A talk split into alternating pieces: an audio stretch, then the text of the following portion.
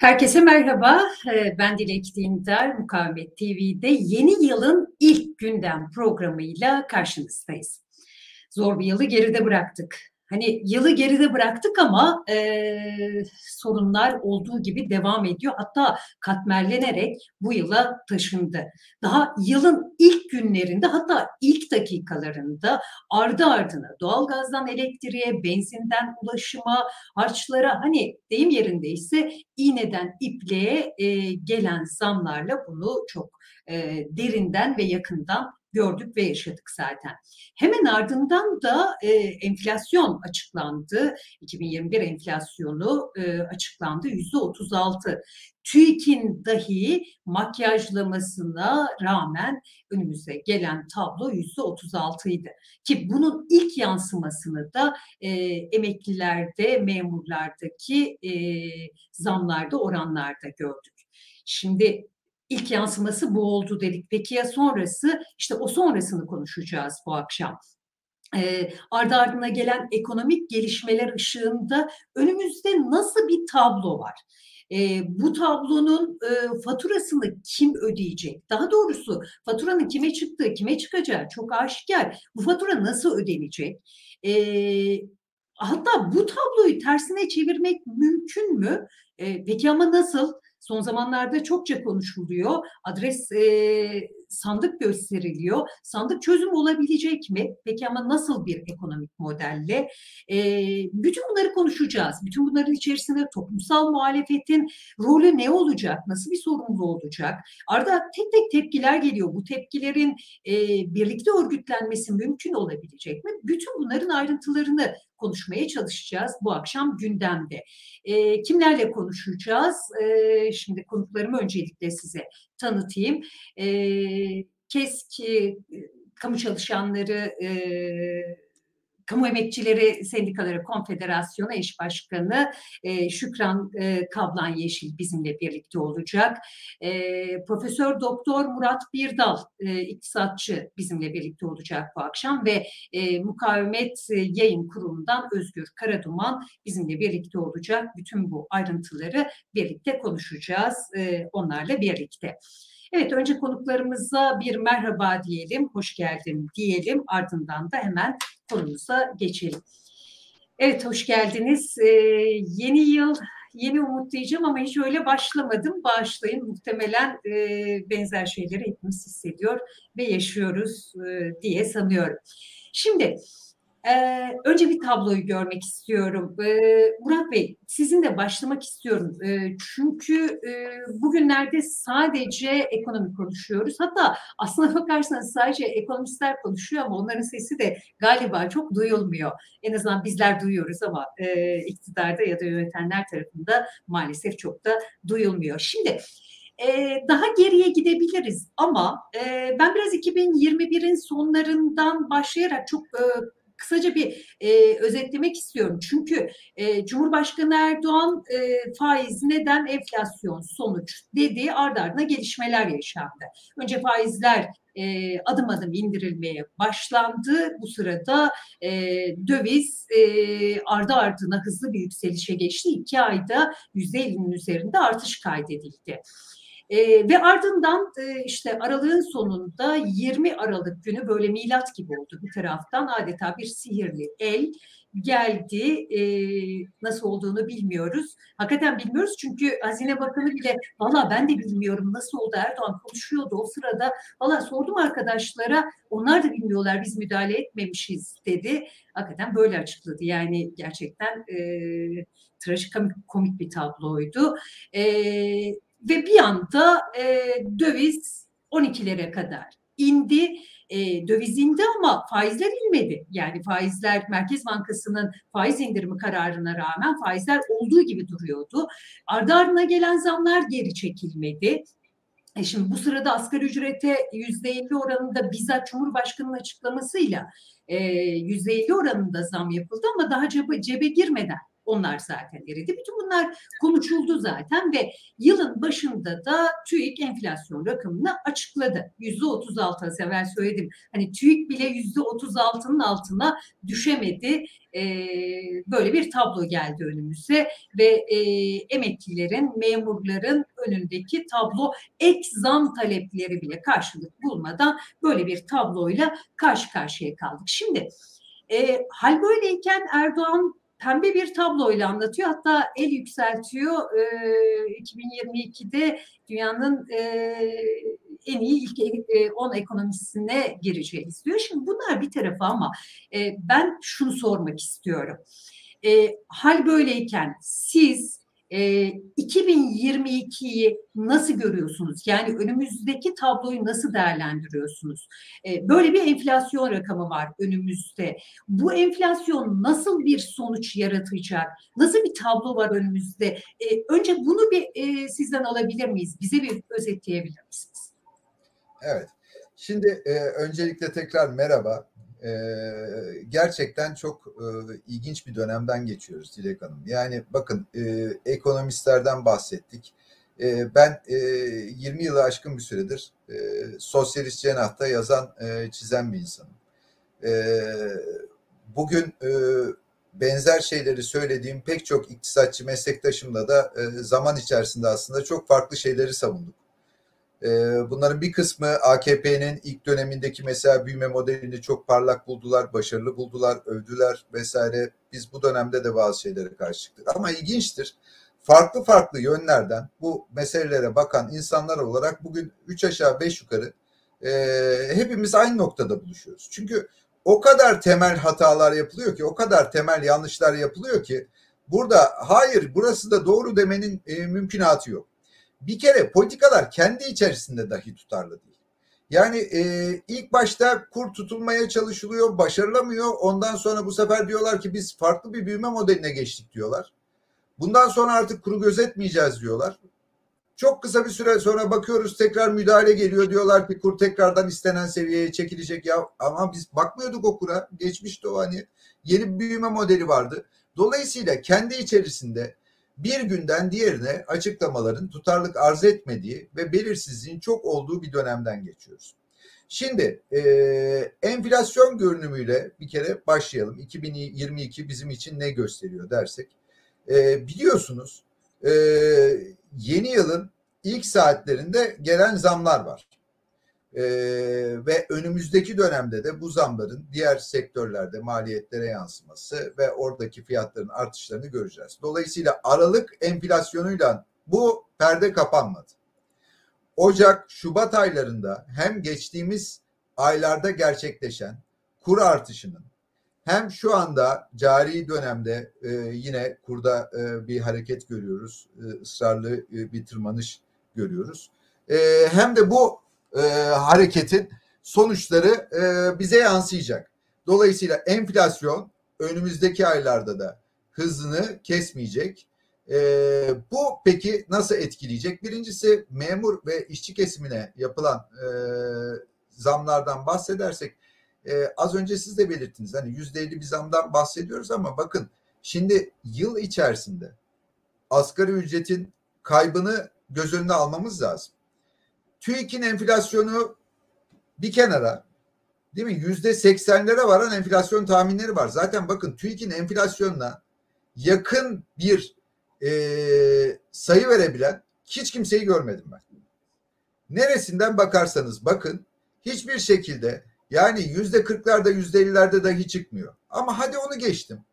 TÜİK'in açıkladığı enflasyon üzerinden dahi hareket ederseniz e, alt gelir grubunun tüketimi içerisinde ağırlıklı pay tutan e, gıda, ulaştırma gibi başlıklar bunlar yüzde kırkın üzerinde bir artış sergilediler. Dolayısıyla zaten burada emekçiye düşük gelir grubuna yansıyan enflasyon TÜİK'e göre dahi yüzde kırkların üzerinde konut var. Konutun hesabı biliyorsunuz en çok tartışılan kısmı oldu. Yani konut fiyatları fırladı. TÜİK'in hesabında e, kiralar vesaire çok daha düşük bir artış yani e, gıdanın ulaştırmanın çok altında kalıyor mesela ki aslında bakarsanız bizim yaşadığımız bunun çok üzerinde. Dolayısıyla aslına bakarsanız zaten reel bir kayıp vardı. Bu reel kaybı belki telafi ettiği bir ölçüde tartışmalı. O dahi tartışmalı. Ama bundan sonra her geçen ay tekrardan eksiye yazmaya başlayacak. Dolayısıyla önümüzdeki yıl içerisinde işçiler, emekçiler ciddi bir satın alma gücünde kayıp yaşamaya devam edecekler. Bu açıklanan zam belki e, siyaseten kürsülerde e, birkaç ay boyunca bir avantaj sağlayabilir Cumhurbaşkanı'na. Bunu kullanabilir. Ama pek yakında halk da zaten bunun cebine nasıl yansıdığını görecektir. İlk 3 ay içerisinde çok sert bir enflasyonla karşı karşıya kalacağız. E, buna hiç e, şüphe yok. Ha, bu ondan sonra büyüme modeline, kura vesaire nasıl yansıyacaktır? Onları da birlikte göreceğiz. Çünkü şimdi kendi içerisinde tutarlı, rekabetçi bir kur olmasını istiyorsa içeride enflasyonla birlikte yani fiyat artışıyla birlikte kurun da hareket etmesi lazım. Aksi takdirde bizdeki fiyat artışı kısa bir süre içerisinde çünkü aylık yüzde on dörtlerde yüzde on beşlerde bir enflasyondan bahsediyoruz. Kısa bir süre içerisinde zaten eğer kur sabit kalırsa bizim o fiyat avantajımızı ortadan kaldıracaktır. Dolayısıyla açıkladıkları büyüme modeli zaten e, kurda sert değer kaybını öngörüyor. E, peki Murat Bey zaten e, şimdi söylediğinize e, ek olarak e, söyleyeceğim. Bir tarafta evet e, tüfe e, ortada ama bir de üretici fiyatlarındaki e, tablo aradaki makas çok açık. Yani üreticiler bize e, bu maliyetleri yansıtmadılar mı ya da yansıtmayacaklar mı? Yani örneğin fırıncı şey mi diyecek yani kamu hizmeti yapacağım e, ben artık ekmeği halk ekmek gibi satacağım e, daha ucuza satacağım ama bir taraftan e, işte una yapılan zamlar, elektriğe gelen zamlar şimdi bu zamlar da sanıyorum önümüzdeki dönemde daha da katmerleşerek artarak da önümüze gelecek. Evet. Şimdi orada çok güzel bir noktaya temas ettiniz. Ee, ben uzun zamandır bu enflasyon rakamlarını hani inceleyip analiz eden, e, bunun üzerine yazan çizen bir insanım. Bir kere şunu söyleyebilirim. Biz hiç bu kadar büyük bir makas görmedik. Şimdi üretici fiyat endeksiyle tüketici fiyat endeksi arasındaki farka dair ufak bir noktayı belirteyim. Tabii üretici fiyat endeksi e, üretim ağırlıklı olduğu için orada hizmetler sektörü yok. Onu dışarıda bırakıyoruz oradaki fiyatlarda. Ancak imalat sanayine vesaire baktığımızda da orada dehşet makas var yine. Açıklanan makas açısından bir şey değiştirmiyor. Normalde ne olması lazım? Bu taraftaki üretici fiyatlarındaki artışın kademeli olarak diğer tarafa yansıması lazım. Yalnız biz birkaç senedir bu özellikle TÜİK'i yoğun olarak tartışmaya başladığımız dönemden beri Dilek Hanım bu makasın kapanmadığını görüyoruz. Bunlar farklı yöntemlerle toplanıyor çünkü. Dolayısıyla aslında burada çok daha farklı bir sorun var. Evet buradaki artış diğer tarafa yansıyacak ama öte, öte tarafta tüfe nasıl hesaplanıyor sorusunu aslında çok daha ısrarlı bir şekilde sormalıyız. Çünkü bu makas kapanmak yerine giderek açılıyor. Ana problem kanımca burada yaşanıyor. Ama dediğiniz noktada da e, yüzde yüz haklısınız. E, oradaki maliyet artışı görülüyor ve maliyet artışı tüketici fiyatlarına etki edecek. E, TÜİK'in el verdiği ölçüde etki edecek ancak. TÜİK'in el verdiği ölçüde gerçekten. E, o bile galiba ortadaki e, tabloyu çok da e, kamufle edemiyor gibi görünüyor. Peki e, Şükran Hanım, e, şimdi İlk önce biz enflasyon rakamları açıklandığında herkes yüzüne emeklilere, memurlara, kamu çalışanlarına döndü. Çünkü e, bir taraftan hem bu tabloyla e, memurun e, zamları ortaya çıkacaktı ama bir taraftan da ek zamların beklentisi vardı. Şimdi ortaya bir tablo çıktı. Yani yüzde otuz nokta beş yanlış e, anımsamıyorsam. Şimdi bize şunu bir anlatabilir misiniz? Yani ben sizin bir e, yoksulluk araştırmanız olduğunu biliyorum. Gerçi e, bu son açıklanan e, rakamların öncesine denk düşse de tablo çok değişmiş gibi görünmüyor aslına bakarsanız. Ama şununla birlikte e, anlatırsanız o noktayı çok sevinirim. E, bu tabloyu kamu emekçileri nasıl karşıladı? Yani gelen enflasyonu ve ardına beklenti halinde olan e, o ek zamlardan gelmeyen noktayı her ne kadar memur sen e, bunu ifade ederken işte ateşi biraz söndürdü ama e, köz hala ortada duruyor dedi. Ortalık yangın yeri köz yeterli mi bu ifadeyi bilmiyorum. E, Tabloyu o yüzden soruyorum. Nasıl karşılandı? Sahada nasıl karşılandı? Çünkü sosyal medyada kimi ifadeler kullanılıyor, kimi gazetelerde de böyle yazıyor. İşte e, öğretmenlerin aldıkları ücretlerin dörde bir yanlış ifade ediyor olabilirim. Ee, işte 8 bin liraya denk düştüğü, en düşük seviyedeki bir mühendisin 10 bin liralık bir maaşa kadar ulaştı ki ben kendi etrafımdan sordum. Ee, ne mühendis yeğenim ne öğretmen arkadaşım henüz bu rakamları görmüş değil. Şimdi bunların dışında bize bir anlatır mısınız? Sahadaki tablo nedir? e, kamu emekçilerinin şu anki durumu önündeki tabloyu nasıl değerlendiriyor? E, sahadan en azından gelişmeler.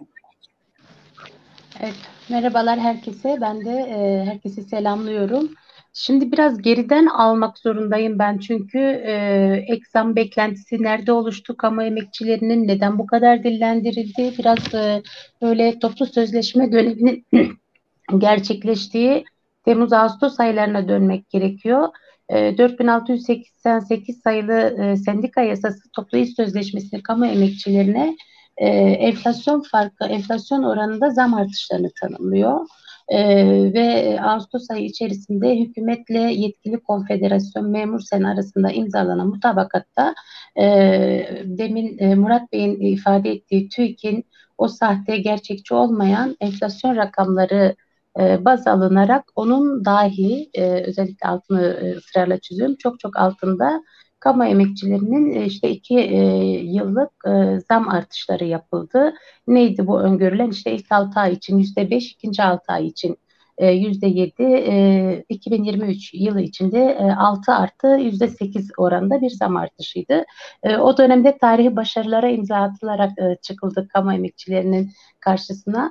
Ama biz e, KESK olarak ilk günden itibaren bu mutabakata, bu e, satış sözleşmesine dair sözümüzü şuradan kurduk. E, bir gerçekçi olmayan e, enflasyon rakamları e, vardı ortada. İki, bunun çok çok altında e, e, bir e, zam oranı vardı. Üç, gerçekten kamu emekçilerinin dağ gibi olmuş, birikmiş sorunları, iradeleri ve talepleri görmezden bir kez daha görülmüştü masada. Dolayısıyla tüm bunları bir araya getirerek kamu emekçileriyle iş yerlerinde bulundukları her yerde buluşmalar, bir araya gelişler gerçekleştirdik. ve gördük ki kamu emekçileri gerçekten başta ekonomik olarak ve özlük anlamda da birçok sorunla boğuşuyor, mücadele ediyor ve geçinemiyor. Yani ülkenin bütününe hakim olan e, her geçen gün alım gücünün arttığı, yaşam standartlarının gittikçe düştüğü, ekonomik krizin derinleştiği ve bu ekonomik krizin bedelinin, faturasının e, işçilere, emekçilere kesilmek istendiği bir e, siyasi iktidarın ekonomik politikası karşısında kamu emekçileri de e, ciddi anlamda büyük zorluklarla e, baş etmekle karşı karşıyaydı. E, dolayısıyla hani bu buradan da hareketle biz e, geçtiğimiz günlerde dört bölge mitingi gerçekleştirdik. Geçinemiyoruz dedi kamu emekçileri. Binlerce emekçi alanlardaydı. E, bütçe e, süreci geldi, geçti ülkede. E, bunu da biraz altını çizmek gerekiyordu. Bütçede hiçbir kamusal hizmete e, ayrılan bir pay olmadığı gibi işte başta eğitim, sağlık, e, ulaşım gibi kamusal hizmetlerin daha hızlı bir şekilde özelleştirmesi, tasfiye edilmesi, kamu özel işbirliği projelerine ayrılan yüksek paylar, e, vergide ağırlaşan e, emekçiler üzerine yıkılan bir yükle karşı karşıyaydı. Dolayısıyla ek zam talebi e, kamu emekçilerinin buradan şekillenen oluşan bir şeydi. Çünkü e, olası yansıyacak olan yüzde beşlik zamın kendisi gerçekten çok ciddi anlamda komik, hiçbir ihtiyacı karşılamayacak bir durumdaydı. E, geldiğimiz tablo ise e, işte 3 Ocak'ta açıklandı enflasyon oranları TÜİK'in. Sizler de ifade ettiniz. E, çok ciddi anlamda baskılamaya çalıştılar. Daha düşük e, çıkartmaya çalıştılar ki e, %127'leri bulan, %50'leri aşan elektrik, doğalgaz, e, motorin gibi birçok kaleme yapılan zamları Aralık ayı içerisinde yapmayarak Ocak ayına e, aktarıp Aralık ayı ve yıllık enflasyonun biraz daha düşük e, görülmesi, e, yansımasını e, bu şekilde sağlamış oldular. E, bunun yansımalarını Murat Bey de ifade ettiği gibi önümüzdeki günlerde daha yüksek bir enflasyon oranı ve daha e, artan yoksulluk ve alım gücündeki düşüşle göreceğiz. Dolayısıyla ne oldu? E, şu düzeltmeyi yapalım. Kamuoyunda e, birkaç gündür kamu emekçilerine işte memurlara ve memur emeklilerine yüzde 30.5 işte yüzde 27.5 gibi bir zam yapıldığı söyleniyor. Siyasi iktidar e, mevcut e, krizlerini e, bu anlamda gölgelemeye ve e, bunu bir başarıymış gibi yansıtmaya çalışıyor. E, bu düzeltmeyi yapan ortada yüzde 30.5'lik bir zam yok kamu emekçilerine. E, ortada olan şeyin kendisi 6 aylık enflasyon farkından kaynaklı yüzde 22,5 e, ekleniyor zaten e, zam, zam oranına. Toplu sözleşme dönemindeki yüzde beş var. Bu ediyor yüzde yirmi yedi buçuk. Bu normal, rutini zaten. Kamu emekçilerinin e, mevcut yasadaki düzenlemedeki rutini. E, geriye kalıyor iki buçukluk bir fark. İşte aslında e, tarihi zam ve ateşe aldığı söylenen zam bu e, yüzde iki buçukluk e, ek zam e, kamu emekçilerine yapılan. E, şimdi şunu da söylemeden geçemeyeceğiz. Evet ortada bir ateş var.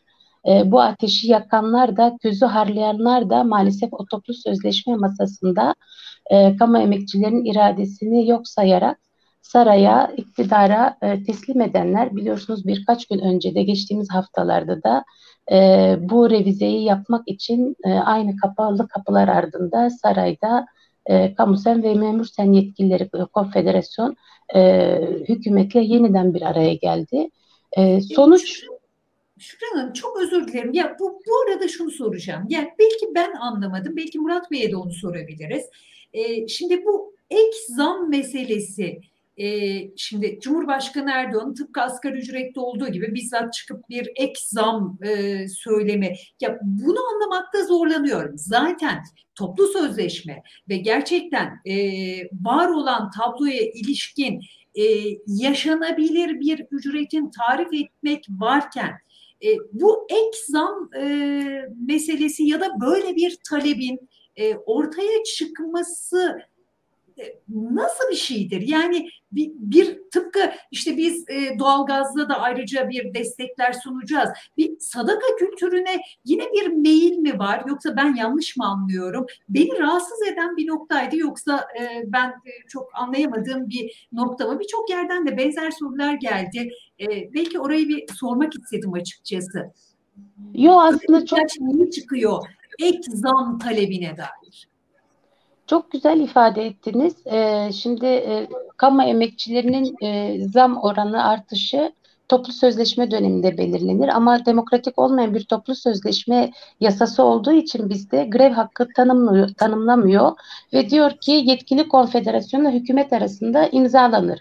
E, yetkili konfederasyon bu ülkede maalesef yıllardır e, siyasal iktidarın e, bahçesinde büyümüş, kendini onun üzerinden var etmiş. Her fırsatta, her olanakta da bu bağlılığını ve bu şey, e, ilişkilerini çok net bir şekilde ifade etmiş bir e, yetkili konfederasyon var e, karşımızda. Dolayısıyla orada başlayan bu antidemokratik uygulama ve sürecin kendisi bizi bugün buraya getiriyor. Sizin ifade ettiğiniz noktaya getiriyor. Masada kamu emekçilerin insanca yaşayabilecekleri bir ücret talebi karşılıksız kalıyor. E, örneğin biz KESK olarak talep ettiğimiz bugün bu ülkede işte dört kişilik bir ailenin e, belirlenmiş olan yoksulluk sınırı var. E, en düşük kamu emekçisi maaşının bu yoksulluk sınırının üzerine çıkartılmasını tarifleriz. Yani bu e, asgari yaşamak için insanca yaşayabilecek e, düzey için e, asgari tanımlamayı bu şekilde yapıyoruz. Dolayısıyla masada bu taleplerle siz işverenizle, iktidarla, hükümetle bu pazarlığı yapamadığınız ve bu talepleriniz karşılanmadığı noktada e, gücünüzü kullanamadığınız, greve gidemediğiniz, e, bu anlamda iradenizi yansıtamadığınız noktada e, gel, gelmiş olduğumuz e, durum bizi bu, bu noktaya getirmiş oluyor ve e, ek zam gibi çok e, büyük bir düzenleme yapmışız gibi bir lütufmuş gibi iktidarın yeni bir lütfuymuş gibi e, hak e, hak edişlerimizi e, hakkımız olan yerine bunu sizin de ifade ettiğiniz gibi bu şekilde bir söylemle e, biraz da e, şeyi e, gölgelemeye çalışan bir süreçle karşı karşıya kalıyoruz aslında. Murat Bey'e döneceğim. Murat Bey böyle bir şey var mı? Yani normal şartlarda evet hani ek zam hani herkes böyle bir beklenti haline yani ekonomide böyle bir, e, bir tanımlama var mı? Şimdi e, Dilek Hanım şöyle bir durum var. Aslında uzun bir zamandır zaten reel anlamda bir iyileştirme yapılmıyor bizim maaşlarımızda. Yani ben biz diyorum çünkü ben de bir kamu emekçisiyim. Ee, ve dolayısıyla o, o onun üzerinden bir kez somut konuşmak lazım. Ne yapılıyor? Enflasyona göre ayarlanıyor. Şimdi bir önden yüklemeli bir zam yapılıyor. Bu o ilk 6 ay içerisinde gerçekleşen enflasyonu güya e, telafi edecek kısmen de olsa. Ondan sonra ikinci 6 ayda o gerçekleşen bizim kaybımız telafi ediliyor. Bakın hep zaten geriden geliyor bu. Bu 1980'lerden itibaren izlenen sürekli izlediğimiz bir yöntem.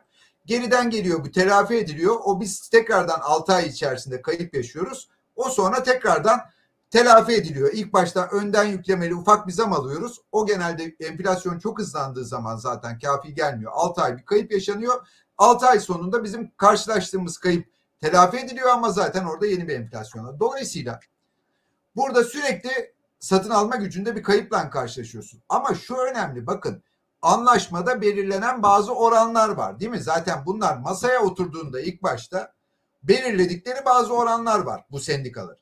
Şimdi yani bu bu insanlarla hiçbir şekilde tabii aynı platformlarda buluşamıyoruz. Aynı masalara oturup konuşamıyoruz. Ee, hiçbir şekilde de çıkmıyorlar karşımıza. Ancak bunu sormak isterim. Ya yani kocaman büyük büyük sendikalar bilmiyorum Şükran Hanım nedir bunların üye sayısı? Yani ellerindeki olanaklar vesaire fazla fazla yeterlidir. Bir sürü insana, ekonomiste şuna buna paralar veriyorlar. Araştırmalar yapılıyor değil mi? Siz bir sendikaysanız ilk bilmeniz gereken şey nedir ya? Sizin enflasyon öngörünüz nedir? Hiçbir şey yapmasanız değil mi? Masaya oturuyorsunuz. Bir e, ücret üzerinden konuşuyorsunuz. Meblağ üzerinden. Bir enflasyon öngörünüz olması lazım. Şimdi sizin öngörünüz neydi? Şimdi o verilen iki buçuk nedir biliyor musunuz Dilek Hanım? Bizim önümüzdeki altı ayda yaşayacağımız enflasyondan kaynaklı kaybımızı telafi etmek için işte oraya konan yüzde beşin üzerine iki buçuk yani diyor ki yedi buçukluk kayıp. Ya ilk ay içerisinde o yedi buçuk fazla fazla gidecek. Bakın Aralık ayında yüzde on dörde yakın bir enflasyon yaşadık. TÜİK'in gösterdiydi bu. TÜİK'in göster. Zaten ilk ay içerisinde o düzeltme vesaire ne diyorsanız deyin o gidiyor yani. Öyle bir şey yok. Dolayısıyla sadaka madaka yok sürekli cebimizden para alınıyor. Ve burada tabii ki memuru temsilen masaya oturan sendikaların çok büyük payı var, ortaklığı var yani. Bu kadar büyük bir hata yapılamaz ki. Hadi yüzde üçünü kaçırdın, yüzde beşini kaçırdın. Ya burada yüzde yirmilerde reel kayıplardan bahsediyoruz. Sen nasıl oturdun o masaya? Kim nasıl yaptı bu hesabı? Neye göre yaptınız bu hesabı? Bunu birisinin açıklaması lazım. Desin ki biz buradan öngördük. Değil mi? Böyle bir projeksiyon yaptık. Bu da böyle çıktı desin. Biz de tamam ikna olalım. Ama yani aylık enflasyonun yüzde on dört olduğu bir yerde yüzde iki buçukluk bir ek şeyi düzeltmeyi yani bizim de önümüze bir kazançmış gibi sunmayın. Çünkü bu çok büyük bir problem.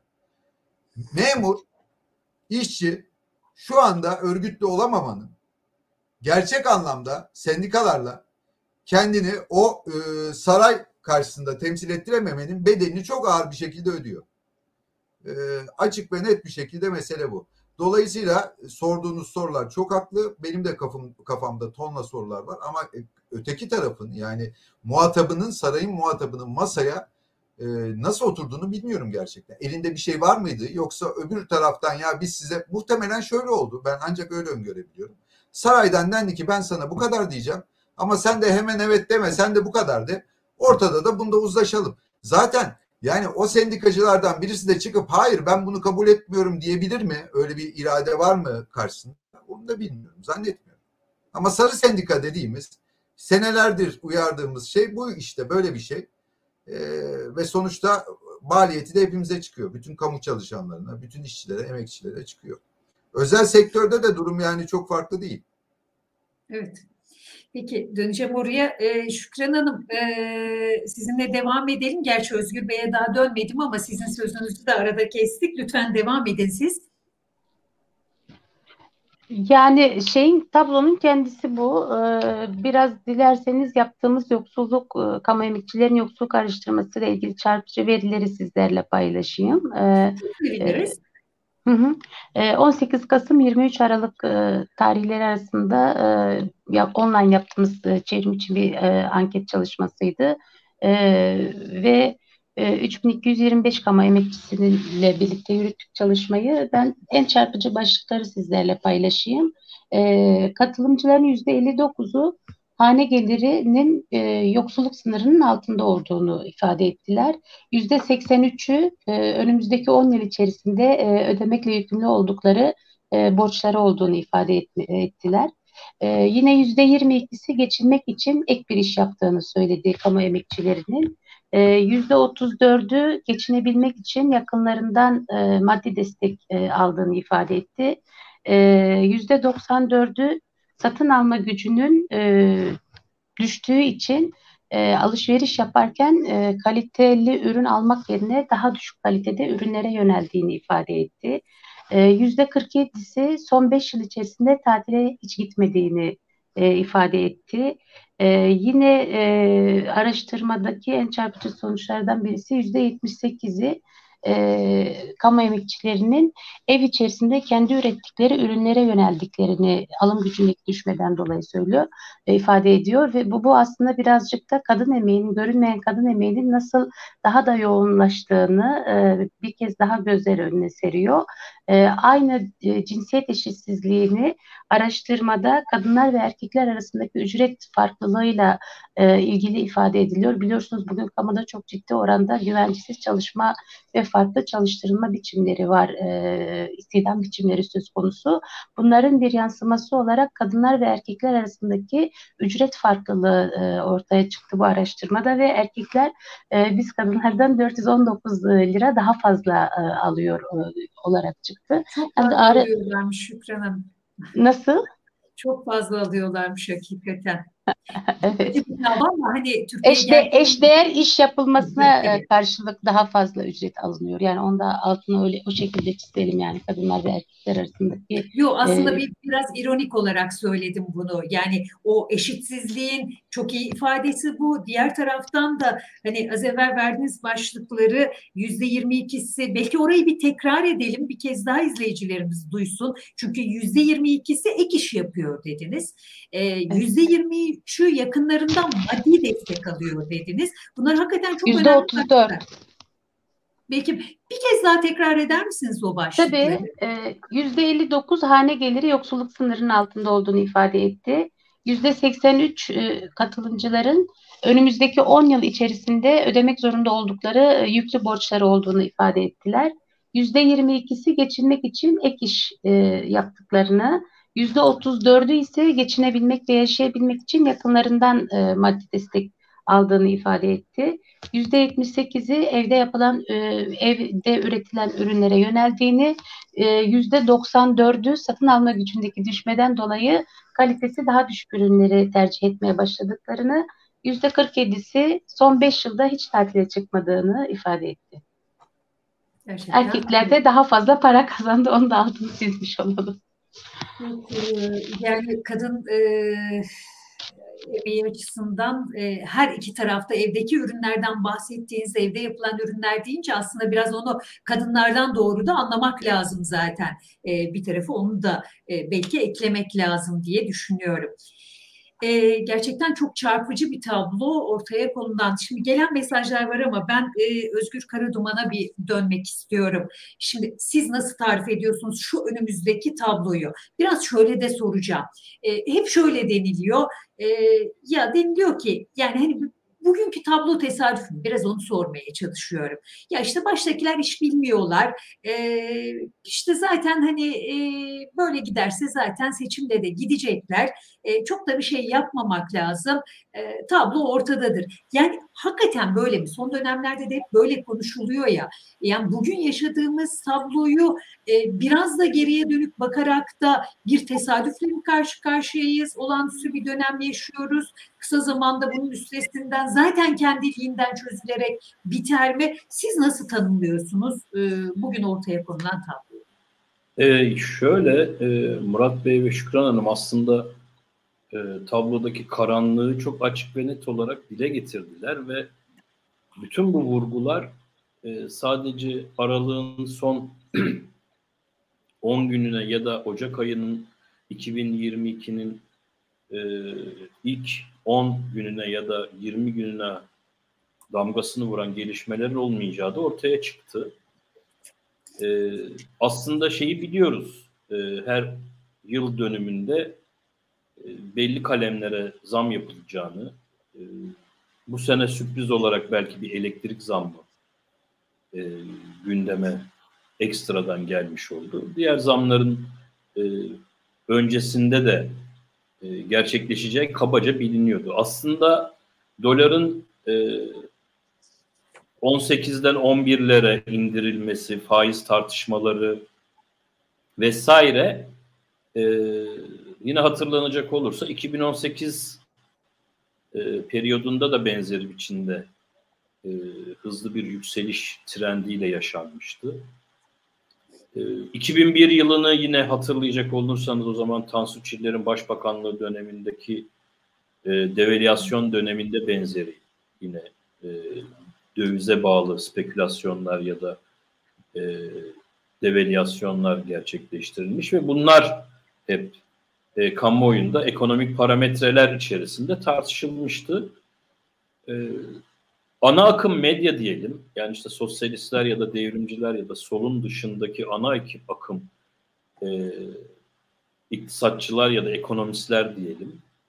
E, bu tür e, şeyleri tartışmayı çok fazla e, önemsiyorlar ve bu tartışmaların e, yapılıyor olması kuşkusuz çok önemli. Ancak bu tartışmaların e, ana muhalefet partisinin de bu döviz tartışmalarına, bu faiz tartışmalarına vesaireye e, dahil olmasıyla birlikte bir şey gözden kaçıyor. Bu tartışmalar aslında sistemin kendisini yeniden üretme konusunda, e, kapitalizmin kendisini yeniden üretim konusunda ciddi bir tıkanıklık hem aslına bakacak olursak dünyada hem de Türkiye'de çok ciddi bir tıkanıklık yaşadığını, bu tıkanıklığı aşmak için, sermaye lehine bunları aşmak için e, her belirli periyotta, her belirli dönemde e, kimi zaman e, faizlerle oynayarak, kimi zaman döviz kuruyla oynayarak, kimi zaman e, büyüme modelleriyle,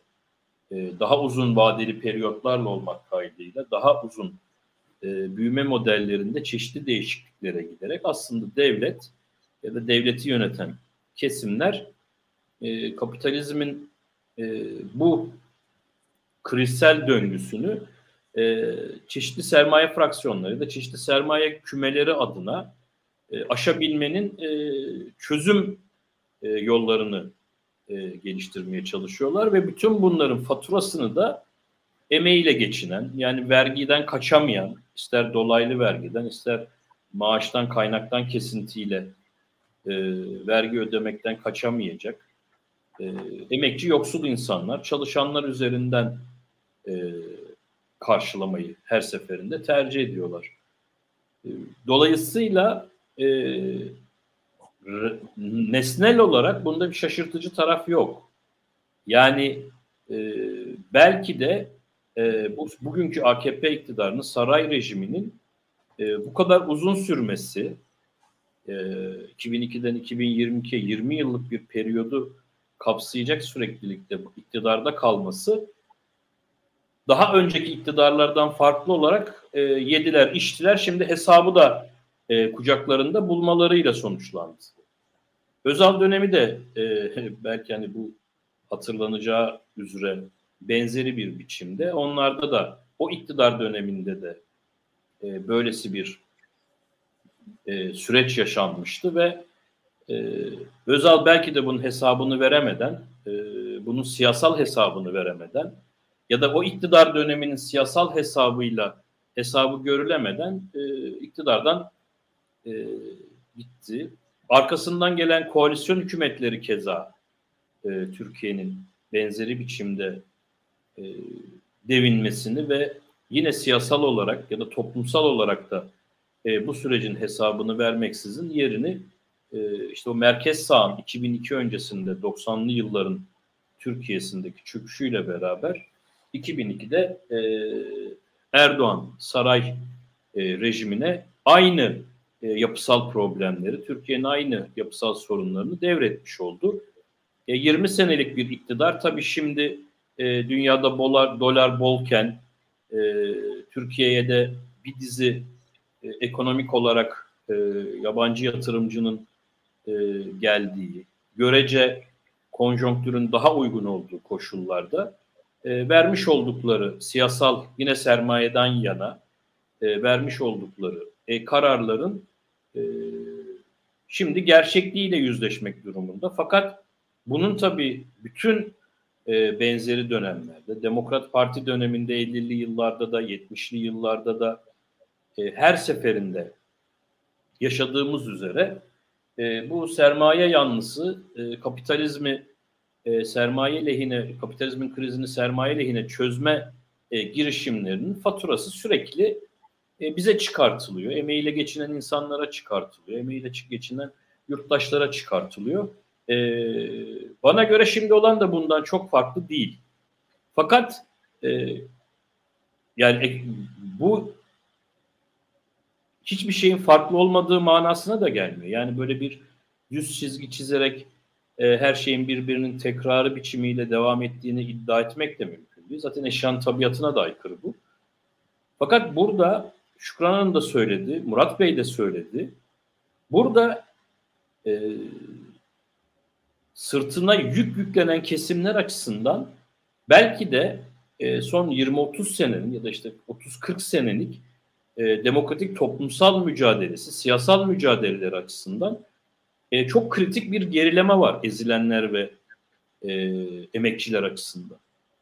Şimdi son tartışmalara bakalım. Yani işte e, aynı e, bir modelleme var, bir saray modellemesi var. O saray modellemesinin e, Dışişleri Bakanı'ndan Maliye Bakanı'na, hazineden sorumlu e, şeylerinden e, bütün e, Milliyetin Bakanı'na kadar benzer bir modellemeyle çalışıyorlar ve e, tartışmalara baktığımızda bir yeni Türkiye e, tezi ve bir yeni Türkiye iddiasının içerisinde şimdi bir yeni ekonomik büyüme modelinden söz ediyorlar. E, bunu hani e, bilen, duyan, bunun işin ayrıntısına dair herhangi bir şey var mı? Murat Bey çok iyi ifade etti. Kendi içerisinde bile o kadar tutarsız ki bu tutarsızları örtmek için e, ortodoksluk, heterodoksluk tartışmasına dönüştürdüler işi. Adeta e, dünya iktisat çok hani iddialı değilim o konuda kuşkusuz ama hani dünya iktisat e, biliminde yeni bir devrim e, başlatmış gibi e, bir e, söylem geliştirerek aslında bu iç tutarsızlıkları tamamen e, günü kurtarma, zaman kazanma, bir seçim kazanma, bir seçimle yeniden kaybettikleri hegemonyayı, seçim atmosferinde bir e, yitirdikleri, uzun zamandır yitirdikleri hegemonyayı yeniden kazanabilmek için adeta e, doluyu boşa, boşu doluya, e, son ikisini birden yarıltıp tekrar doldurmaya çalışarak e, yol almaya çalışıyorlar. Fakat burada çok tehlikeli bir durum var. Yani özellikle Erdoğan'ın Cumhurbaşkanı olarak e, anayasaya sadakat yemin etmiş, anayasayı koruma, kollama ve anayasa sadakat yemin etmiş bir cumhurbaşkanı olarak e, çok tehlikeli sularda gezdiğini söylemek mümkün.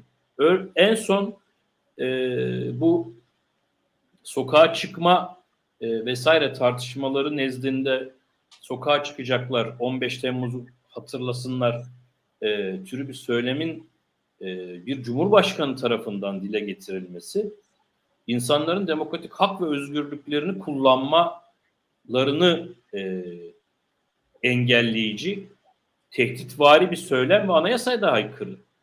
Anayasanın 34. maddesi çok açık ve net olarak herkesin önceden izin almaksızın e, silahsız ve şiddet içermeyen e, toplantı ve gösteri yürüyüşü düzenleyebileceğinin e, hüküm altına almıştır. Yani bunu korumakla görevli bir cumhurbaşkanı e, insanları e, darbe atmosferinde yani darbe atmosferinde sokağa çıkılmasıyla özdeşleştirerek e, demokratik hak ve özgürlüklerin kullanılmasını adeta darbe girişimi olarak değerlendirdiği sonucu ortaya çıkıyor. E, peki Özgür Bey, burada araya gireceğim çünkü madem hani seçim dediniz, sokak dediniz, e, şimdi bir taraftan böyle bir e, Cumhurbaşkanı'ndan bir sokak emareleri gelmiş ki böyle bir açıklama yapıldı. E, döneceğim ben tekrar Şükran Hanım ama diğer taraftan da aslında buna karşı muhalefetten de hayır biz zaten sokağa çıkmıyoruz o nereden çıktı? Yani e, hatta e, Kılıçdaroğlu'nun açıklaması var e, parti teşkilatlarına aman ha sakın sokak mümkün değil e, meseleyi sandıkta çözeceğiz diye. Şimdi bunu şuradan soracağım. Tekrar oradan Şükran Hanım'a döneceğim.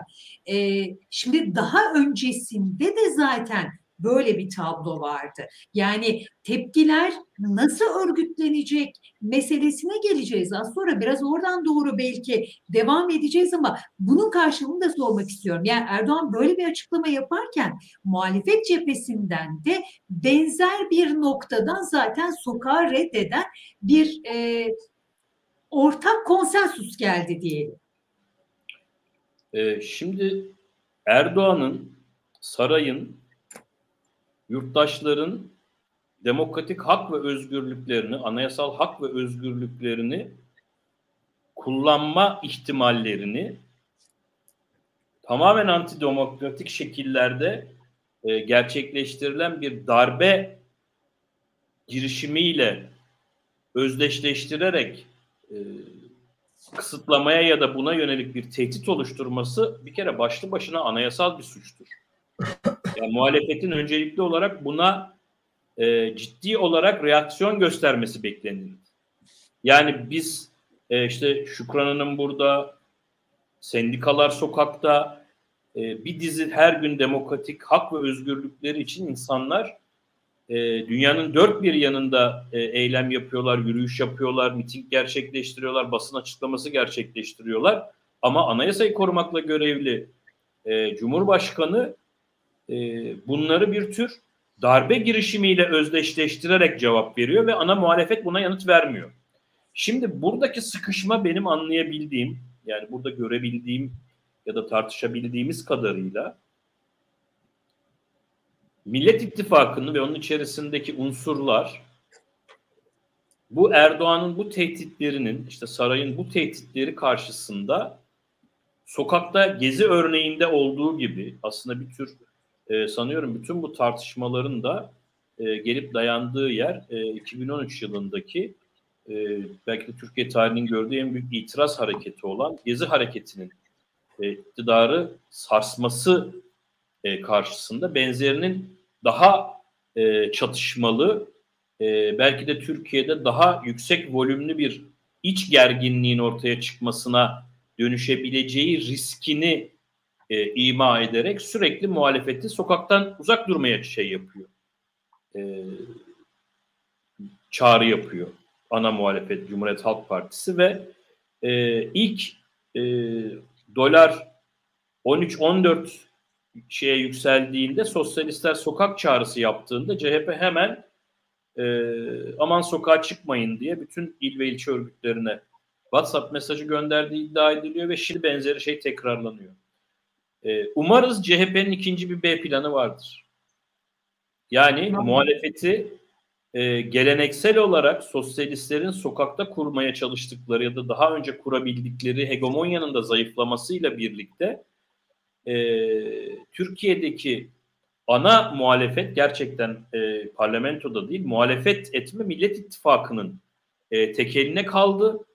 E, belki Şükran Hanım e, daha önce e, işte KESK, DISK, TTB ve TUMOP'un e, toplumsal muhalefetin dinamik unsurları ve diğer e, demokratik sol çevrelerle birlikte bir e, mukavemet hattı oluşturabilmek için zaman zaman e, toplumun karşısına daha güçlü şekilde e, çıkma konusunda e, bir sürü deneyim olmasına rağmen giderek sokak yalnızlaştı, sosyal medyaya doğru çekildi e, iktidar sosyal medyadan e, yalnızlaştırdığı ve sosyal şey sokakta yalnızlaştırdığı sosyal medyaya sürdüğü muhalefeti şimdi sosyal medyadaki denetimiyle iyice susturma ve belki de seçimlere yine oraya bağlamak gerekirse belki de seçimlere e, tamamen e, muhalefetsiz, sokak muhalefetsiz bir biçimiyle e, MHP'nin de sürekli e, sokaktaki muhalefete hem fiziki saldırıları hem de e, sözlü sataşmalarıyla e, muhalefetin üzerinde bir dönem e, Sedat Peker'in aslında e, kanlarınızda banyo e, bu KHK'lı öğretim üyelerine yönelik olarak sarf ettiği sözlerin belki daha e, üzeri kadife bir eldiven giydirilerek yumuşatılmış şekillerini bizzat Cumhurbaşkanı ve e, MHP e, lideri e, Devlet Bahçeli tarafından sürekli gerçekleştirilerek toplumun bütünü sindirilmek, toplumun bütünü e, sesini çıkartmayan, e, iktidarın her türlü e, pozisyonuna boyun eğen bir duruma getirilmek isteniyor ve bilerek ya da bilmeyerek e, Millet İttifakı'nın e, bu konudaki e, çabalarının da e, bu konudaki e, bu sindirme, bu korku atmosferinin büyümesinde önemli bir etkisi var. Son olarak şunu söyleyerek tamamlayayım. Çok fazla vaktinizi almayayım. Süreç hani belki karikatürize ederek söylemek gerekecek. Ee, yarın öbür gün Erdoğan e, Türkiye seçim sattı haline zaten girdi de tam manasıyla eğer e, girdiği takdirde bir gün çıkıp ve derse ki e, seçim e, istemek e, vasıtasıyla meşru iktidarı devirmek diye bir suç e, ihsas edip e, bütün anayasal e, şey hakkında koruma altında olan siyasal partilere dönük de yeni bir iddianame dalgası daha önceki bütün e, bu e, fason davalarda görüldüğü üzere yeni bir suç üreter üretip seçim kanalıyla iktidarı devirme diye bir suç savcılara da talimat verirlerse şaşırmamak lazım.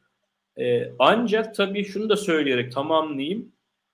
Bir sokak fetişizminin de yani e, iktidarda gerçekten vektörel bir etki yaratmayacak somut e, ekonomik, siyasal ve toplumsal çözüm önerilerini e, içermeyen, e, günü kurtarmaya dönük, e, basın açıklaması sınırlarını aşamayan e, bir sokak fetişizminin de sokakta olmayı sadece sokakta e, slogan atmaya indirgenecek, indirgeyen bir yaklaşımın da e, bu süreçte e, bir karşılığının olmayacağını, aksine daha hazırlıklı e, bir mukavemet hattına, bir siyasal, ekonomik ve toplumsal mukavemet hattına bağlı e, bir e, somut program, bir mücadele ve e, iktidar programına bağlı olarak bir değişimi e, dile getirecek bir mücadeleye ihtiyaç var.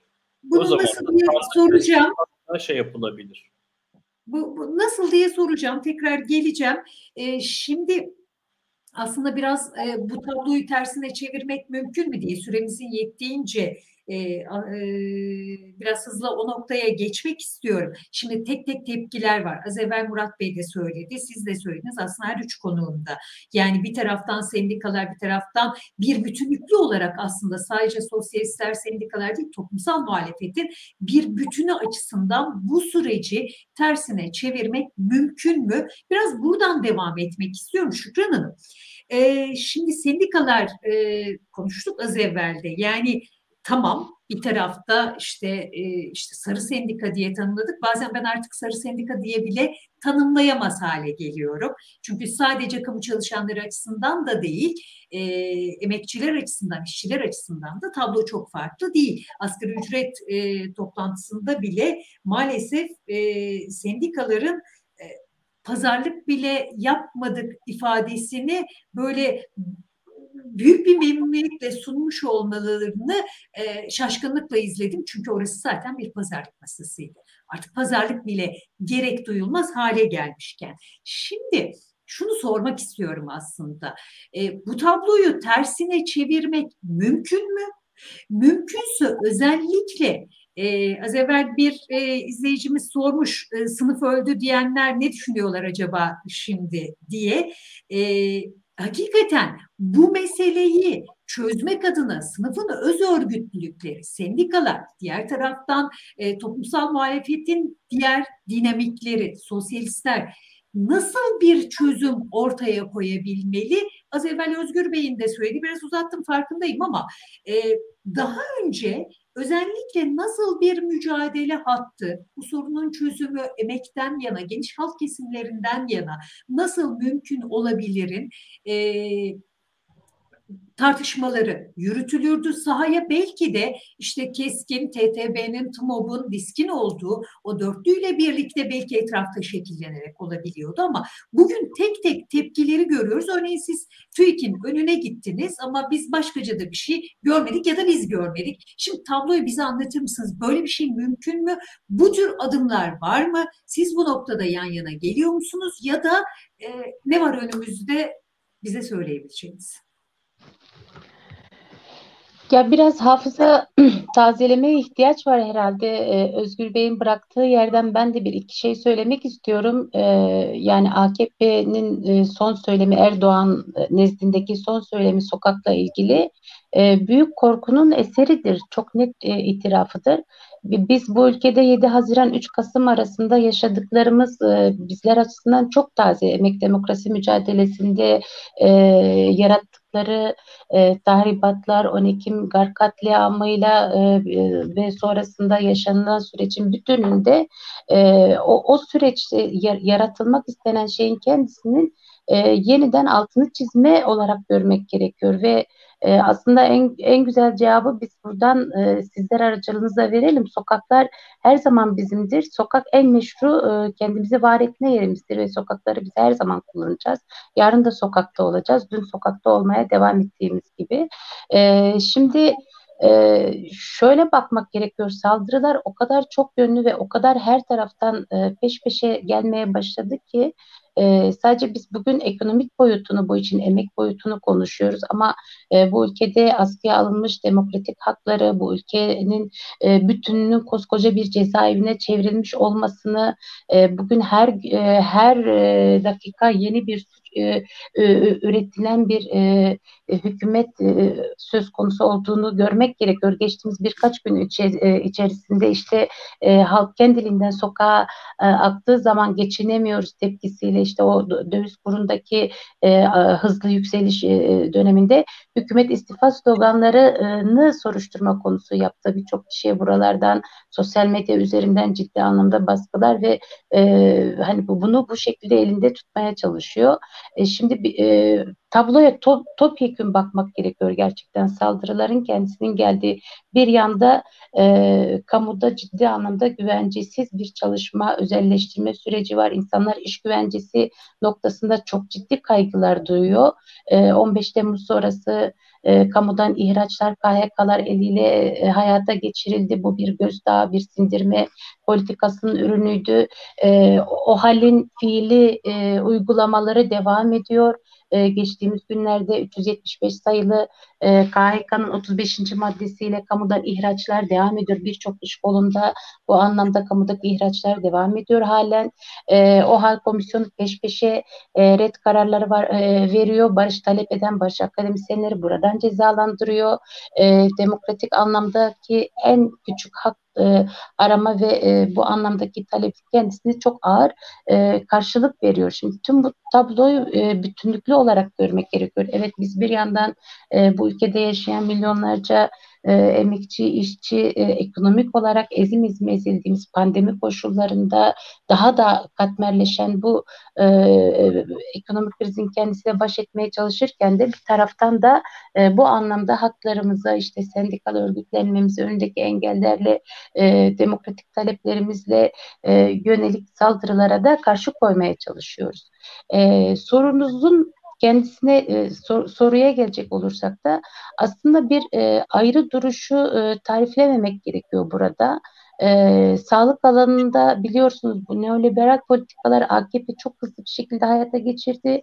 Bunların en önemli ayaklarından birisi kamuda işte sağlık alanındaki e, sözde dönüşüm adı altında hayata geçirdiği politikalardı e, ve çok e, bu e, çok hızlı bir şekilde bu alanda e, büyük tahribatlar yarattı.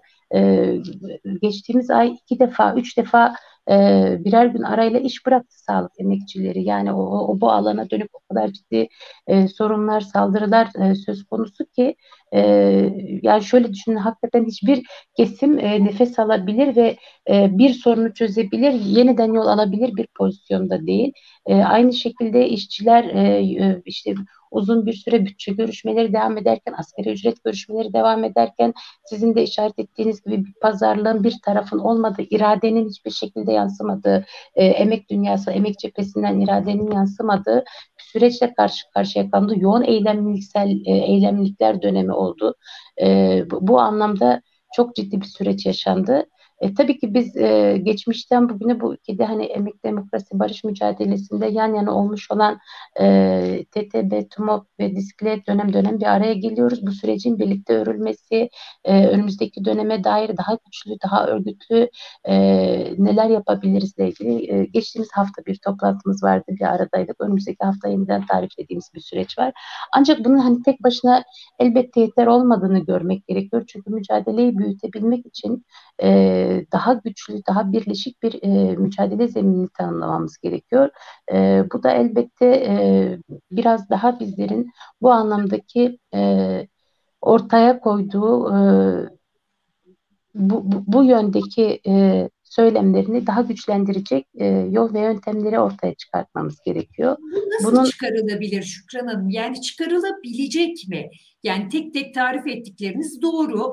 Peki e, çok yakıcı bir tabloyla karşı karşıyayız. Bunun için nasıl bir e, süreç gelecek önümüze? Var mı bunun adımları? E, bu adımlar atılıyor mu?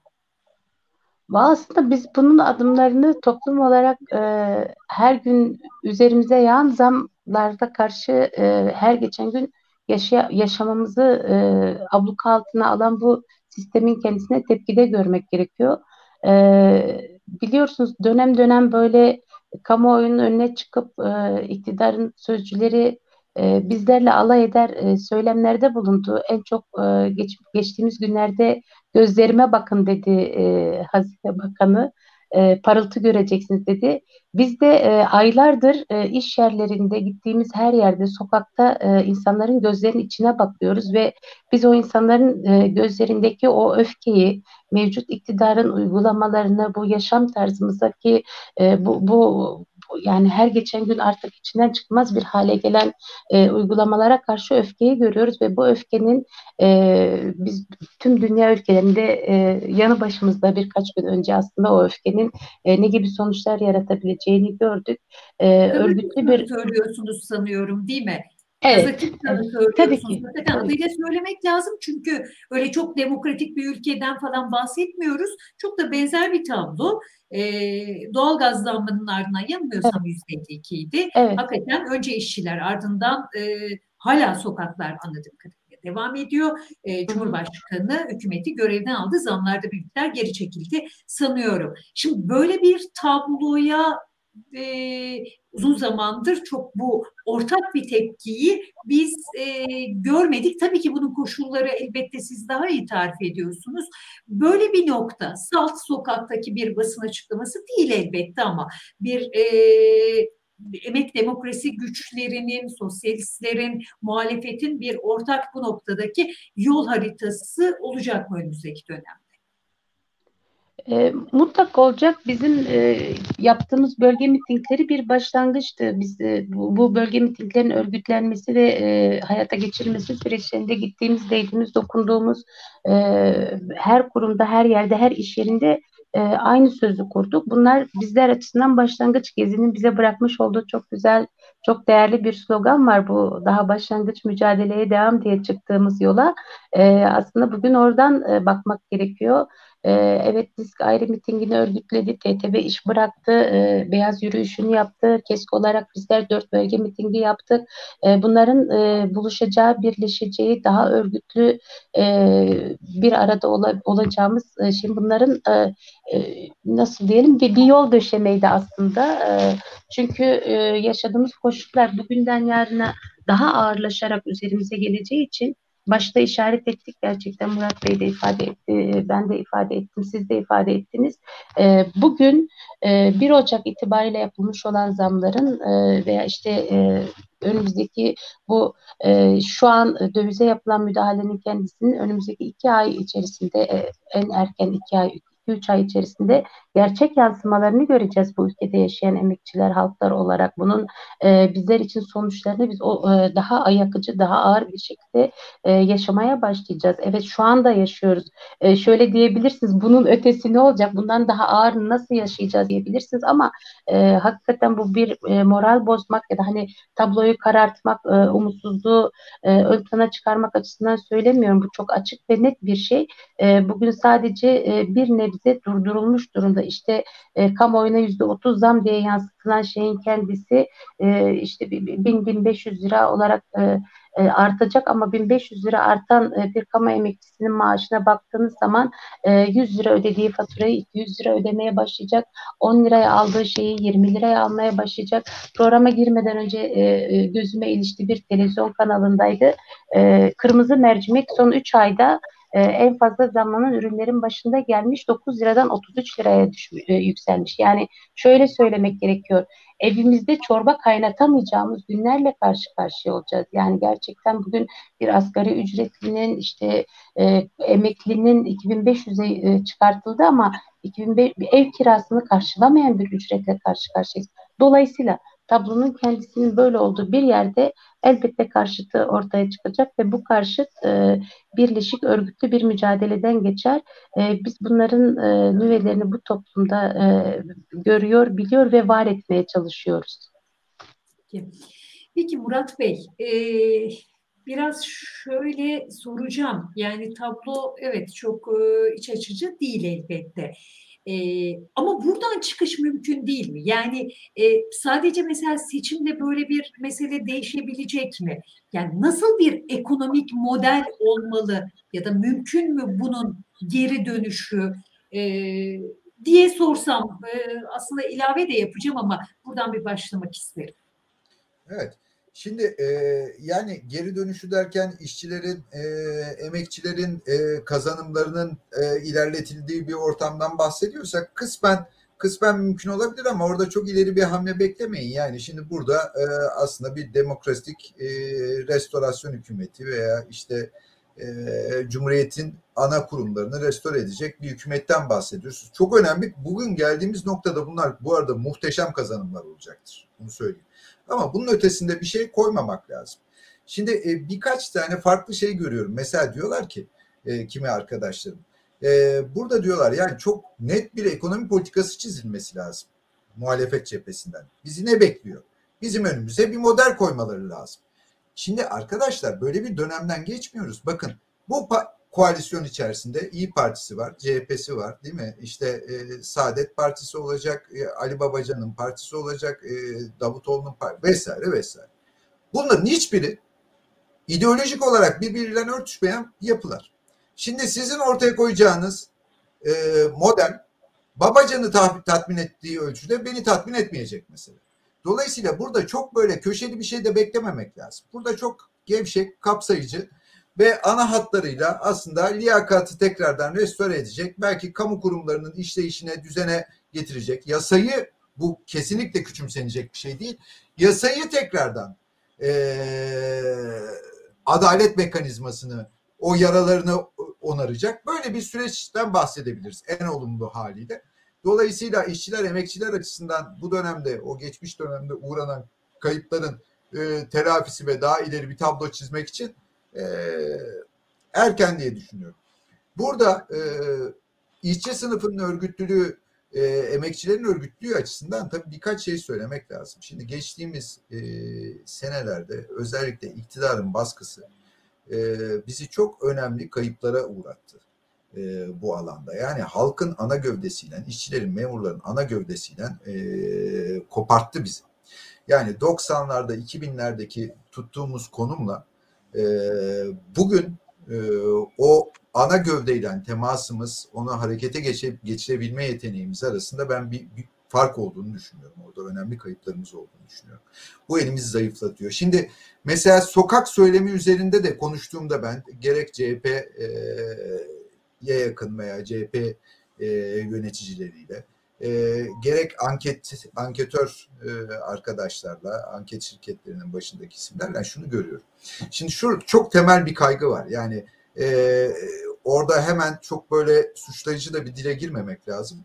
Çünkü e, insanların e, özellikle AKP hükümetinin geçmiş uygulamalarından kaynaklı bir kaygısı var. Bakın düşünün Haziran seçiminde değil mi? Haziran seçiminde aslında AKP iktidardan düştü. Orada ne oldu biz hiçbirimiz bilmiyoruz. Haziran'dan Kasım'a bu ülke hiç yaşamadığı çok çatışmalı bir terör ortamına sürüklendi. Kasım ayında hükümet tarihte bakmak lazım. Bakın o kadar kısa bir zamanda bir parti oyunu o kadar keskin bir şekilde arttırmış mıdır? Bakmak lazım. Şimdi ondan sonra 15 Temmuz gibi bir tecrübe yaşadık. El ele kol kola girmiş iki yapı bir anda birbirine girdi. Birisi darbe yaptı. Olan bize muhaliflere oldu. Hepimiz atıldık. O yapının göbeğinde oturan insanlar e, yollarına devam ettiler. Bunları da hepimiz biliyoruz. Şimdi dolayısıyla insanlar yeni hamlenin ne olacağı konusunda oldukça kuşkulu. Ne gelecek diyorlar. Burada özellikle ana korku e, bir kitle hareketi yaratılıp burada bir provokasyonla ki Gezi'nin hatırlayacaksınız bir döneminde e, bir noktadan sonra anketlerde iktidarın oyunu arttırabildiğini gördük. Hareket meşru zeminini yani halkla temasını yitirmeye başladığı anda karşı taraf bunu çok iyi kendi lehine manipüle ediyor. Yani kendi kitlesinin korkusunu sokaktaki hareketten korkusunu kendi seçmenini konsolide edilecek şekilde çok doğru bir şekilde kullanıyor. Dolayısıyla buradaki ana korku aslına bakarsanız sokaktaki hareketin iktidarın kolaylıkla manipüle edeceği e, ve kendi kitlesini harekete geçireceği bir boyuta ulaşması ulaşmaması. Şimdi burada bence en önemlisi e, işçi sınıfı örgütleri açısından, e, emekçiler açısından bir kere emekçilerin ana gövdesiyle olabildiğince yakın temas kurup iş yerli iş yeri bazı örgütlenmeyi esasa alıp buradan meşru bir zeminde yani meşru derken bunların hepsi meşru tabii ki ancak halkın gözünde de çok daha yüksek meşruiyeti olan bir zeminden bu hareketi yükseltmek. Şimdi bu farklı oluyor. Zaten yani işçi sokağa çıktığında farklı oluyor farkındaysanız. Yalnız e, gençler sokağa çıktığında farklı oluyor mesela. Halkın tepkisi de. Yani keskin yaptığı bir harekete bakış farklı oluyor. Halk nezdinde. Ancak e, öğrencilerimiz sokağa çıktığında mesela o farklı bir şekilde algılanıyor. E, bunun manipüle edilebilmesi de tabii iktidar açısından çok daha kolaylaşıyor. Kaygılar biraz bu noktada. Bizim de e, sokağa tabii ki hiçbir zaman bırakmamız söz konusu olamaz. Ama sokağı nasıl kullanacağımız, ne şekilde hangi talepler etrafında kullanacağımız burada çok daha hassas olmamız lazım. Çünkü e, ciddi anlamda da stratejik bir mücadele var e, bu anlamda. Halkla bağımızı güçlendirmeden, taleplerimizi halkın üzerinden veya işte emekçilerin ana gövdesi üzerinden şekillendirerek yükseltmeden oradan kopuk bir hareketin bir karşılığı olmadığı gibi bunu vurgulamak istiyorum. Tam tersine iktidarın elini güçlendiren bir nitelik taşıyor. Bunu da görmek lazım. Ee, yoksa yani şöyle de değil tabii ki yani biz e, her şeyi bu zamana kadar doğru yaptık da sadece iktidar bizi çok zorladı. Yani bizim de kendi yanlışlarımızla e, yüzleşmemiz lazım. Devrimci siyasetin e, bu muhafazakar siyasetten farkı budur. Kendi yanlışlarını görür, değerlendirir, öz eleştirisini verir ve ilerler. Biz bunu yapmakta çok eksik kalıyoruz gibi geliyor. O yüzden biz de bazı hataları tekrar ediyoruz. O yüzden bugün de siyasete müdahale etme yeteneğimizi önemli ölçüde zayıflattık. Peki, evet aslında belki de bu bileşik mücadele. Yani ben sokak derken aslında tam da Murat Bey'in de söylediği, Şükran Hanım'ın da söylediği e, iş yerlerinden e, aslında belki bir taraftan bugün MES e, sözleşmesinde hakikaten metal işçileri e, her iki noktadan üstelik Türk metal işçi de dahil olmak üzere e, güçlü bir tepki göstermeye başladılar. E, içinde tartışılacak çok fazla şey vardır. Ayrı mesele ama e, diğer taraftan e, kamu emekçilerinin verdikleri mücadele tek tek ayrı ayrı e, verilen bu mücadelelerin e, bir ortak noktada buluşturulabilmesi mümkün. Olabilir mi? E, solun sosyalistlerin belki seçim sürecine e, girildiği bu dönemde muhalefetin önünü de açan ya da geliştiren, daha da ileri bir noktaya taşıyan bir hareketi, bir e, adımı olabilir mi? Biraz da bunu e, Özgür Karaduman'dan devam ederek e, sorayım. Çünkü nasıl diye bırakmıştım. Evet, nasıl mümkün olabilir? Ya tabii nasıl mümkün olabileceğini bizim bilebilmemiz, yani buna bir model, e, buna bir şekil, şemal verebilmemiz olanaklı değil. Biz ancak işin siyasetini, işin politikasını konuşabiliriz. E, bu tabloda e, Murat Bey aslında çok iyi ifade etti. Çok sıkça değinildiği üzere hemen hemen Türkiye'deki bütün kesimler post Erdoğan senaryolar üzerinde çalışıyorlar şu an. Yani Erdoğan sonrası e, Türkiye üzerine çalışıyorlar. Belki bizzat sarayın kendisi bile e, kendisi Erdoğan sonrası ya da AKP bile ya da devlet, bürokrasi, askeri bürokrasi, ekonominin, e, sermayenin çeşitli e, kesimleri aslında herkes harıl harıl Erdoğan sonrası e, nasıl bir Türkiye e, bizi beklediğine dair e, çeşitli senaryolar üzerinde e, duruyorlar. Hatta sadece Türkiye değil, muhtemelen Türkiye'de yatırımı bulan, yatırımı bulunan, Türkiye'ye yakından ilgilenen hem askeri olarak hem bölgesel olarak e, birçok e, uluslararası kuruluş ve e, think tank kuruluşu da aynı şekilde e, Erdoğan sonrası olası Türkiye senaryoları üzerinde e, çalışma yürütüyor. Şimdi burada e, tabii e, sosyalist ve devrimci hareketin e, çok uzun zamandır e, sadece hani sokaktaki hegemonyasını toplumun geniş kesimleriyle hegemonyasını yitirmesinin dışında aynı zamanda Türkiye'nin ya da dünyanın temel problemlerine bütünlüklü köklü e, alternatif yanıtlar geliştirebilme özelliğinde de çok ciddi bir zayıflama ve e, bir gerilemeden söz etmek mümkün. E, neye karşı olduğumuzu biliyoruz fakat e, karşı olduğumuzun e, yerine alternatif olarak inşa etmeyi vaat ettiğimiz ya da vaatı geri alıyorum e, birlikte yapmayı e, murad ettiğimiz e, bir gelecek e, tasavvuru konusunda e, önemli e, zaaflarla malulüz. Böyle olunca da e, yürüttüğümüz çalışmaların kendisi vesairesi e, daha e, muhalefet e, etme çizgisini ne yazık ki fazlasıyla aşamıyor. Dolayısıyla öncelikli olarak hani e, ağırlık noktasına, ağırlık noktasını meselenin nereye e, vermek gerektiği sorusuna yanıtlayarak belki buna yaklaşmamız lazım. Hani en azından ekonomiyle ilgili ya da e, mevcut e, krizle ilgili e, meseleye dair e, bir kere şunun altını öncelikle çizmemiz gerekiyor.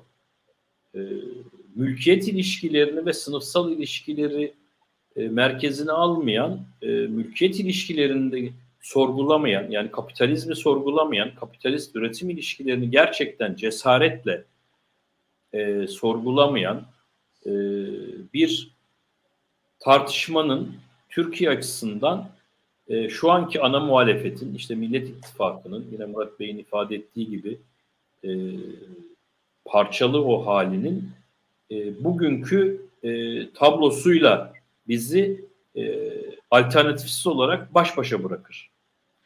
Bu açıdan aslında e, sosyalistlerin e, bir merkeze ihtiyacı var adeta. Bir sosyalist e, siyaset merkezine ihtiyaç var ve e, bir yanıyla e, Erdoğan'ın sarayın geriletilmesi e, ya da gönderilmesi meselesine e, diğer kesimlerle birlikte yani biz, biz onu daha önceki çeşitli tartışmalarda bir tür mukavemet koalisyonu olarak, bir direniş koalisyonu olarak tarif etmiştik. E, sosyalistler bir yanlarıyla e, saraya karşı bir direniş koalisyonunun parçası olarak yoğun e, bir eleştirel destek verebilirler.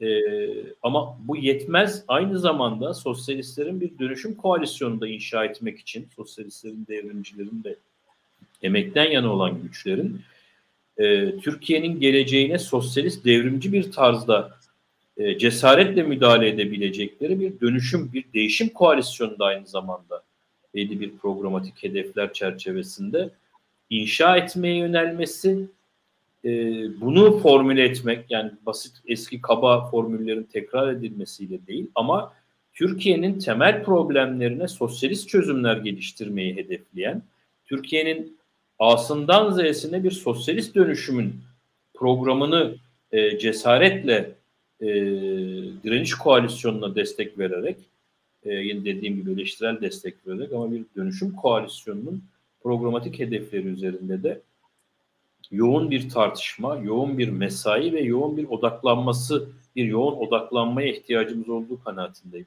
Şimdi e, CHP e, 2002 biliyorsunuz hepimizin bildiği üzere yani e, AKP e, 90'lı yıllarda çöken merkez sağın yerine e, biraz da Orta Doğu'ya model olması açısından gündeme gelen bir projeydi.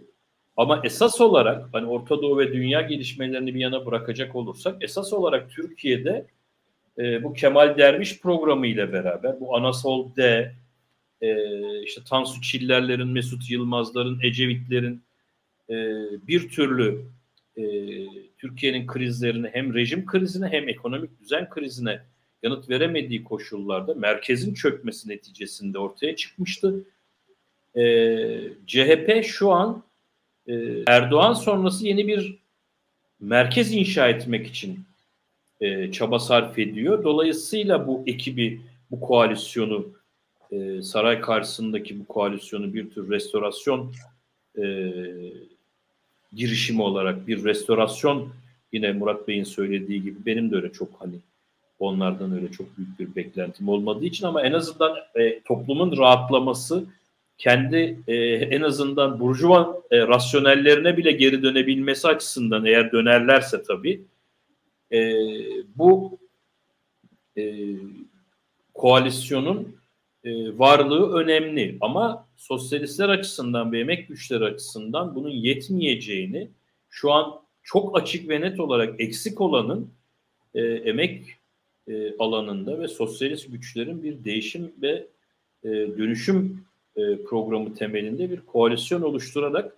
aynı zamanda bu koalisyonda mesafe kat edilmesi e, durumunda bu e, Millet İttifakı'nın restorasyon sürecine de daha fazla emekten, daha fazla barıştan, daha fazla özgürlükten ve eşitlikten yana e, müdahale etme e, imkanımızın da güçleneceğini ve büyüyeceği kanaatindeyim.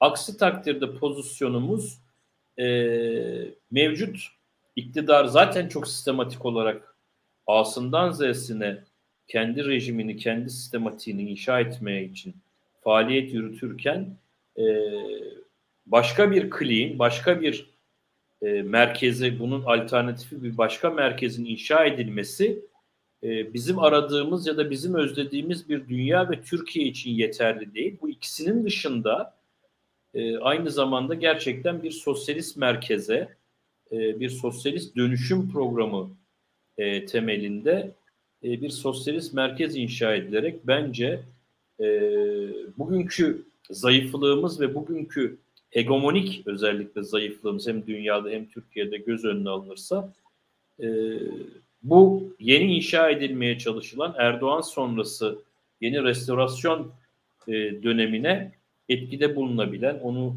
e, emekten ve özgürlüklerden daha fazla e, hareket sağlayacak, sağlamasına yönlendirebilecek bir baskı e, mücadelesi sağlanabilir. Son olarak şunu da söylemek isterim. E, şimdi son 7 dakikamız birkaç cümleyle alacağım. Evet evet. Şimdi yani şöyle tabii hani umutsuzluk falan değil biliyorsunuz Time dergisi e, Türkiye'yi e, riskli ülkeler kategorisine dahil etti. Muhtemelen buna ilişkin de bir dizi tartışma yapılacaktı. Ama çok ilginç 2008'de de yani bu Wall Street'teki genel krizle birlikte Financial Times o dönemde de Türkiye'yi e, riskli ülkeler grubunda değerlendirmişti. Fakat bir farkla o dönem e, yüksek faizlerden dolayı e, bir yanıyla riskli bulmakla beraber yüksek faiz oranlarından dolayı yabancı yatırımcı için de e, bir e, önemli bir alan olarak görüyordu vesaire. E, şimdi de e, uluslararası kapitalist sistemde Türkiye yine riskli ülkeler kategorisinde değerlendiriliyor. Bu aynı zamanda e, önümüzdeki dönemde Türkiye'nin hem ulusal hem de uluslararası düzeyde yeni sıkışmalara ve yeni e, sorunlarla yüzle gelebileceğinin de işaretleri olabilir. E, dolayısıyla buna hazırlık yapan, e, biriktiren bir e, sürecin inşa edilmesi gerektiği kanaatindeyim. Peki, e, süremizin sonuna geldik. Son sözler olarak ben Murat Bey ve Şükran Hanım'a da döneceğim ama az evvel Kazakistan demiştik. E, şimdi e, özellikle 22.41'de geçen bir haber Kazakistan'daki akaryakıt fiyatlarına gelen e, zamla başlayan protestolar nedeniyle ülke genelinde olağanüstü hal ilan edildi diyor Deutsche Welle Türkiye. Kazakistan e, Devlet Başkanı Tokayev protestoların ülkelerine yönelik terörist bir saldırı eylemi olduğunu ileri sürdü.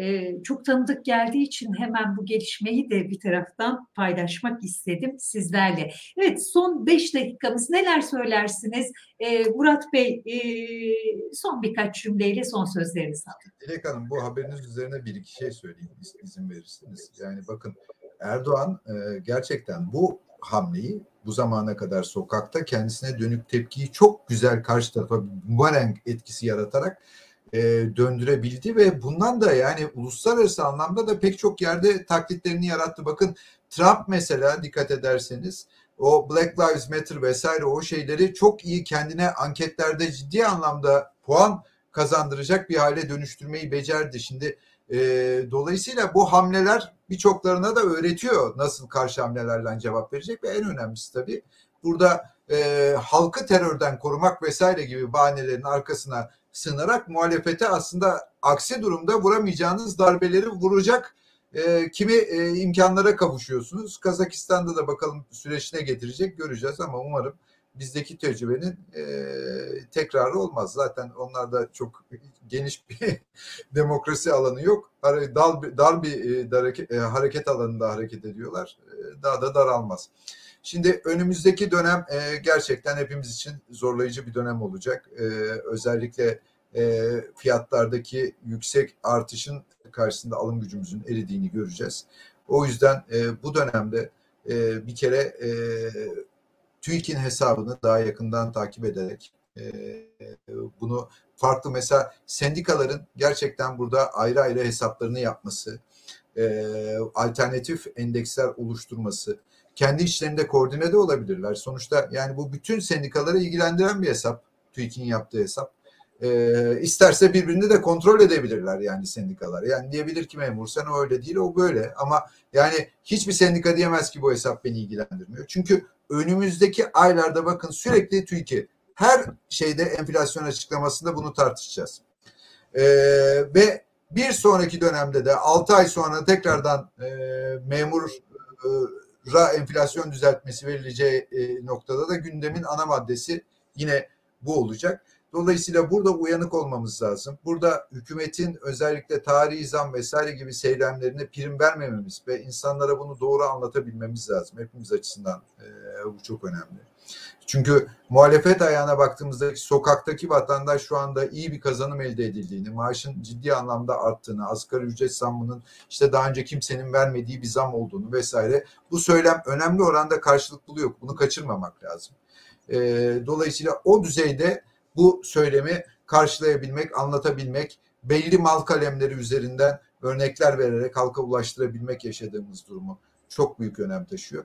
Önümüzdeki e, 6 ay içerisinde bakın Amerika tarafında işlerin daha da sıkılaşmaya başladığını, para politikasının sıkılaşmaya başladığını, faizlerin yükselmeye başladığını göreceğiz. Amerika'da tahvil faizleri şu anda özellikle 10 yıllık tahvilin faizlerinde sert bir yukarı yönlü hareket başladı.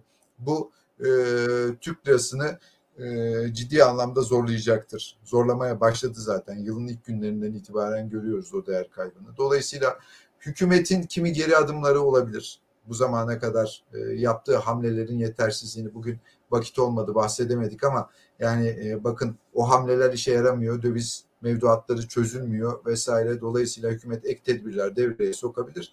E, son derece hızlı e, yine ekonomide e, sert dalgalanmaların olduğu bir süreç bizi bekliyor diye düşünüyorum. Teşekkür ederim. Peki çok teşekkür ederim. Şükran Hanım siz ne söylersiniz e, son birkaç cümleyle programı bitirmeden önce? Ben de Murat Bey'in bıraktığı yerden söyleyeyim. Evet bizleri bekleyen bu çok zorlu ve e, ağır sürecin kendisinde e,